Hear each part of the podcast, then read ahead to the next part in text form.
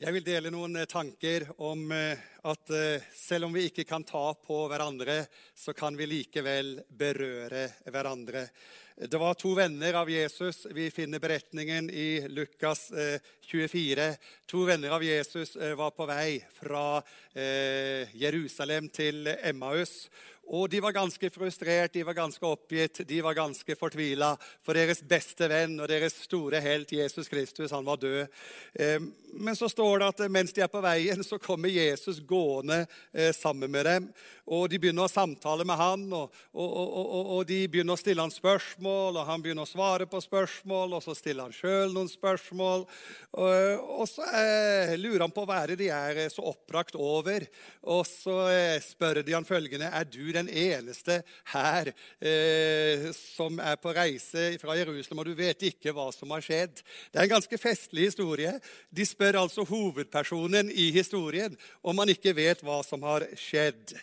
Eh, bakgrunnen for at myndighetene har innført eh, énmetersregelen eller tometersregelen innendørs, eh, karanteneforskrifter, håndhilseforbud og tallbegrensning på arrangement osv. Det er jo den store smittefaren eh, som koronaviruset har. Eh, det er derfor at vi må følge tometersregelen. Ja, vi kan også ha tomøtersregelen. Det er veldig bra, vet du. At vi kan møtes mer enn én gang. Eh, men tometersregelen som gjør at vi må holde avstand pga. smittefaren. Men da er jeg glad for å si det er mulig å berøre hverandre tross tometersregelen. Det er mulig å bli berørt tross avstand. Og det lærer vi i historien eh, om disse to vennene av Jesus Kristus på vei til Emmaus. Så kom altså Jesus og blir med. Eh, jeg syns det er veldig bra når vi nå går gjennom en tid hvor vi kanskje kjenner oss ensom, kjenner oss alene, er kanskje litt frustrert, kjenner kanskje på litt eh, frykt og litt angst. Da jeg et godt budskap til deg. Jesus slår følge med deg. Jesus blir med deg. Han blir med deg på veien. Og Det er det første vi lærer her i Lukas 24, 15. Mens de nå snakket sammen og drøfta dette her, så kom Jesus selv og slo følge med dem. Eh, jeg tror ikke at Jesus overholdt noen eh, tometersregel i den eh, konteksten her. For han var jo til og med vant til å berøre spedalske, som egentlig ingen skulle ta på. Det er fordi at det går bare en positiv smittefare ut fra Jesus, en kraft til å helbrede. Og Jesus sjøl ble aldri smitta av spedalskhet, men spedalske ble smittet av hans helbredelse. I den tiden og de omstendighetene som vi er i nå, så kommer Jesus, og så legger han armene rundt oss og slår følge med oss, og han er faktisk den eneste som kan gjøre det i denne tida.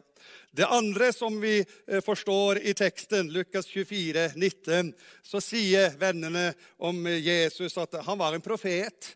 Han var mektig i ord og gjerning for Gud og hele folket. De hadde ikke fått med seg at Jesus var stått opp fra de døde. Det var jo deres store frustrasjon. Jesus var død. Dette forteller meg den kristne tro står og faller med oppstandelse.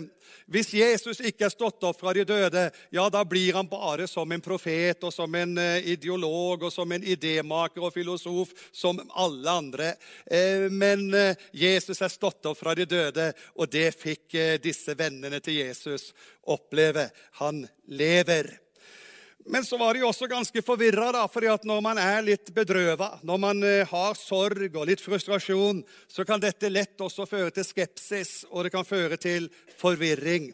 Eh, for de, de sier eh, i Lukas 24, 22 nå har noen kvinner blant oss gjort oss litt forvirra.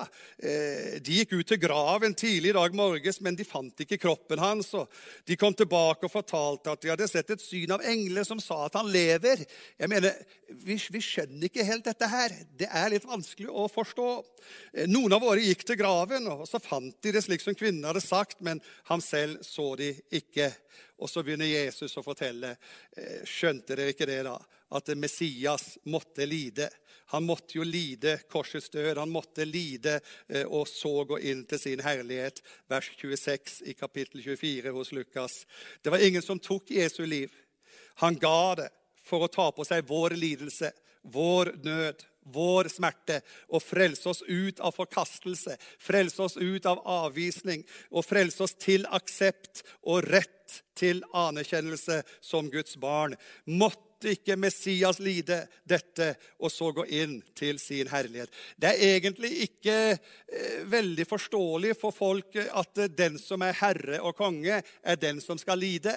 Men Jesus han snur alt på hodet. Han er den lidende Messias. Han er den kongen som identifiserer seg med oss i vår nød. Han går inn i smerten, han går inn i lidelsen, han går inn der hvor vi befinner oss. Og så identifiserer han seg med oss, for han ble såra for våre lovbrudd. Han ble knust for våre synder. Straffen lå på ham. Eh, vi fikk fred. Ved hans sår ble vi helbredet. Og så kunne vi jo kanskje tenke at Jesus burde si Ja, men hør nå her, folkens. Nå må du høre, Den ene heter Kleopas. Eh, må Du høre her, du ser vel at det er meg, liksom? Hallo, det er jeg. Det er Jesus. Kjenner du meg ikke igjen? Nei, han gjør ikke det. Vet du hva Jesus gjør? Han kunne jo bare hoppa fram og sagt 'det er meg'. Nei, han begynner å samtale med dem ut ifra Guds ord. Det gjør at vi også i 2020 vi har den samme tilgang til Jesus gjennom Guds ord. Gjennom Guds ord så blir Jesus åpenbart for oss. I vers 27 så står det Jesus han begynte å utlegge for dem det som står om ham i alle skriftene, helt fra Moses av og hos alle profetene. Eh, dette viruset som vi kaller koronaviruset, det er jo eh, et synlig virus hvis du legger det under mikroskop. Alle har sett eh, bilder av viruset. Det, det, det, det, heter korona, for det ser ut som en krone. Men det fins et usynlig virus som vi ikke kan legge under mikroskop. Et virus som angriper vårt indre menneske. Det er fryktens virus. Det er forvirringens virus. Det er bedrøvelsens deprimerte virus. Mot disse virus så finnes det en vaksine. Han begynte å utlegge for dem i alle skriftene. Guds ord er vaksine. Guds ord er medisin mot frykt, mot forvirring, mot bedrøvelse. Ordet styrke, ordet helbrede, ordet oppmuntre. Og så kommer de da fram til Emmaus, og så er det litt festlig her også. Tenk at Jesus, som er konge, som er frelse, som er hellig og ren, han, han prøver nesten å lure dem litt. Det står han lot som han ville dra videre. Han hadde ikke tenkt å dra videre, men han lot som eh, han ville dra videre.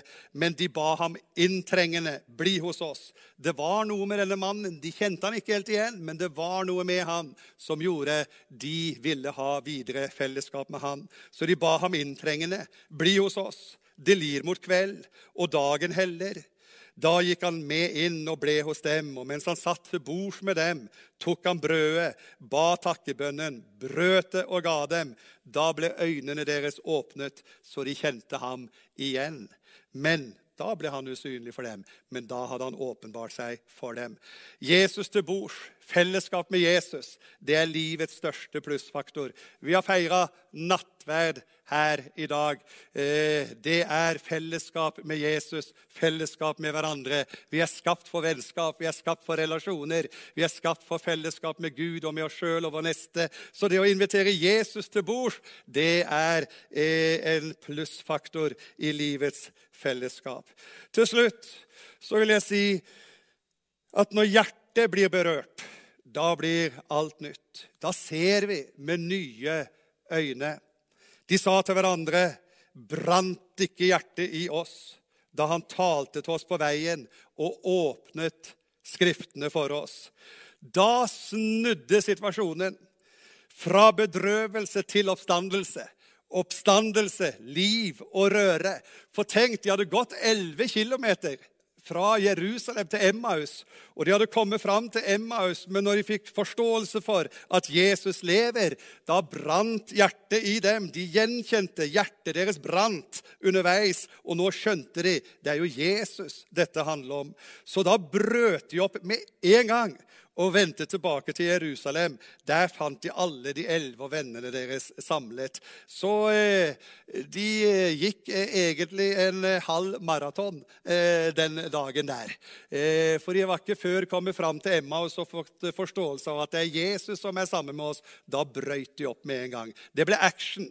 11 km motsatt vei, fra begivenhetenes sentrum til Emmaus, og så fra Emmaus tilbake til begivenhetenes sentrum i Jerusalem. Full av entusiasme, full av fascinasjon, takk og undring. Alt var nytt for dem. Den døde helten var nå den levende Messias. Ordet var medisin mot deres frustrasjon. Ordet var medisin mot deres bedrøvelse. Guds ord som Jesus la ut for dem og forkynte hvem Jesus er, var medisin mot deres vantro. Ordet som Jesus formidla til dem, var medisin mot forvirring. Du, strålebehandlingen fra Guds ord gjennom Jesus gjorde hjertene varme. De ble berørt, og fortsatt kan vi berøre hverandre selv om vi ikke kan ta på hverandre. De fikk energi og det ga dem energi til med en gang å vende tilbake til Jerusalem. Dette gjelder fremdeles. Guds ord hjelper oss i vår hverdag. Sunne, brennende, varme hjerter gir et sunt, brennende og varmt liv. Eh, vismannen Salomo sier, 'Min sønn, Lytt når jeg taler, vend øret til mine ord. Slipp dem aldri av syne. Bevar dem dypt i ditt hjerte. De er liv for den som finner dem, og de gir hele kroppen helse. Bevar ditt hjerte framfor alt du bevarer, for livet går ut fra det. Trygghet gir tro på framtida og et sunt og nøkternt realistisk forhold til truende omstendigheter. For ordet sier, 'Herren er min hyrde'. Jeg mangler ikke noe. Han lar meg ligge i grønne enger. Han leder meg til vann der jeg finner hvile. Han gir meg nytt liv.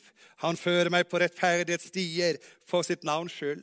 Om jeg enn skulle vandre i dødsskyggens dal, frykter jeg ikke noe ondt, for du er med meg. Din kjepp og din stav, de trøster meg. Du dekker bord for meg, like foran mine fiender. Du salver mitt hode med olje, mitt beger renner over. Og bare godhet og miskunn skal følge meg alle mine dager, og jeg skal bo i Herrens hus gjennom alle tider. Amen.